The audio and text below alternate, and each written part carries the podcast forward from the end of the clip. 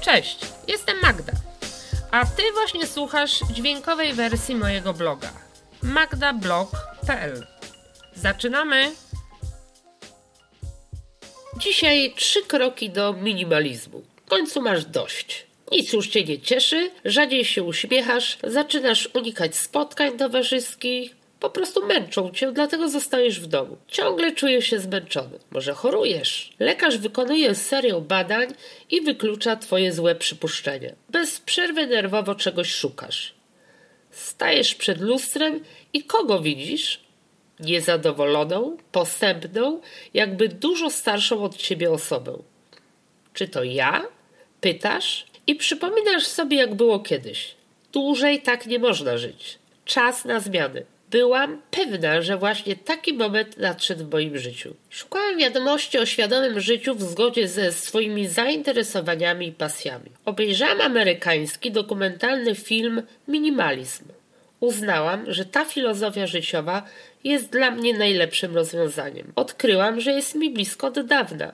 Po prostu wcześniej jej nie nazywałam. Zaczęłam od ciała. Każda duża zmiana wymaga siły. Zaczęłam zwiększać swoją aktywność fizyczną.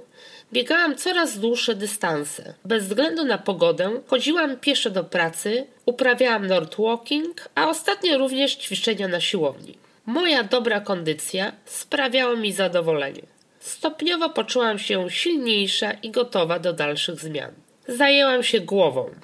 Wiedza o psychologii człowieka, o tym, jak działa podświadomość, pozwoliła mi lepiej poznać siebie, nazwać swoje sukcesy i dokonania. No przecież y, skończyłam studia, również podyplomowe, kursy, szkolenia, dzięki swojej systematycznej pracy i wsparciu bliskich. Nie ma co ukrywać. Zdobyłam wiele umiejętności. Mam zdrowe, bardzo mi bliskie córki. Mam przyjaciół, na których zawsze mogę liczyć. Zaczęłam minimalizować złe znaczenie moich błędów, niepowodzeń, upadków. Zrozumiałam, że wydarzyły się po to, aby mnie wzmocnić i zmobilizować do lepszych kolejnych wyborów. Wsłuchałam się w siebie, a moja samoocena dojrzała. Zminimalizowałam wpływ opinii innych na moje działanie. Oczyściłam moją głowę z wcześniej dręczących mnie pytań o to, co inni powiedzą. Pozbyłam się ich, ponieważ już wiedziałam, co realnie myślą na swój temat. Ja jest podmiotem mojego życia.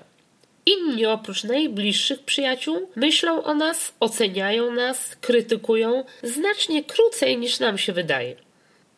Uporządkowałam rzeczy i ubrania w mojej szafie.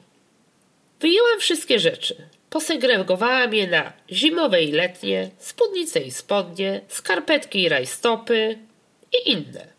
Wypłowiałe, zniszczone, pomimo sentymentu odłożyłam z przeznaczeniem na szmatki do sprzątania. Odłożyłam wszystkie, których nie lubię. Trudno nawet powiedzieć dlaczego.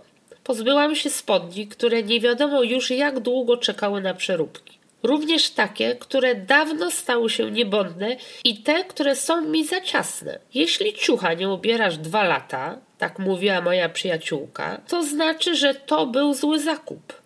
Zminimalizowałam swoją odzież. Porządek w szafie to porządek w głowie. Wyrzuciłam większość bibelotów, ozdóbek, pamiątek, które w młodości przywoziłam z różnych zakątków Polski. Były nieopisane, dlatego nic mi już dzisiaj nie mówią. Nie przewidziałam, że z upływem czasu ich wartość, wówczas sentymentalna, przejdzie w niepamięć. Pozbyłam się nadmiaru pościeli, ręczników, naczyń, sztućców. Byle jakie wyrzuciłam. Część przekazałam przyjaciółce. Dodatkowe dla gości spakowałam i schowałam podpisane w jednym miejscu do wcześniej przygotowanej szafy. Wyrzuciłam dywany. Rzadko używane meble przekazałam potrzebującym. Dzięki temu moje mieszkanie stało się optycznie większe i lżejsze. Nowe, doskonale imitujące drewno panele tworzą ciepły klimat i nie sprawiają kłopotów w sprzątaniu. Przestałam kupować kolorowe gazety. Z czasem były dla mnie coraz mniej atrakcyjne. Spowszedniały. Zastąpiłam je książkami. Od dwóch lat nie mam telewizora. Aktualne wiadomości czytam w internecie. Niedawno po raz pierwszy kupiłam prenumeratę Gazety Wyborczej w wersji elektronicznej. Przyzwyczajam się i oszczędzam papier. To moja troska o naszą planetę i ekosystem. Książki podzieliłam na te, którym przypisałam wartość sentymentalną. Cenne, czyli bardzo stare. Poznawcze, czyli przewodniki i atlasy, ale tylko aktualne.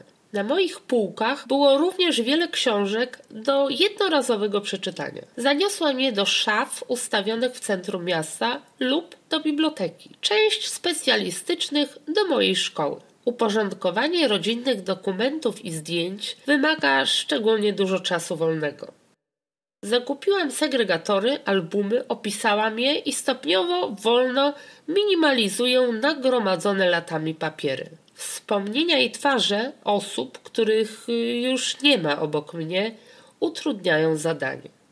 Oczywiście to nie koniec. Minimalizm jest długim procesem. Jeszcze wiele przede mną.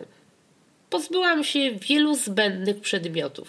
Dałam znajomym, część przekazałam do Caritasu. Wierzę, że się innym przydadzą. Wokół mnie pojawia się coraz większa przestrzeń. Bez niepotrzebnego kurzu lepiej śpię i skuteczniej walczę z moją alergią. Minimalizacja jest moim świadomym działaniem, przemyślanym wyborem tych rzeczy, które wybieram ze względu na jakość, a nie ilość. Zaczęłam usprawniać i upraszczać moją codzienność. Żyję w własnym tempie, w zgodzie ze sobą i w dobrowolnym umiarze. Odnalazłam szczęście. Na dzisiaj tyle. Jeśli chcesz być na bieżąco, zapraszam na mój Facebook, Instagram i blog. Do zobaczenia!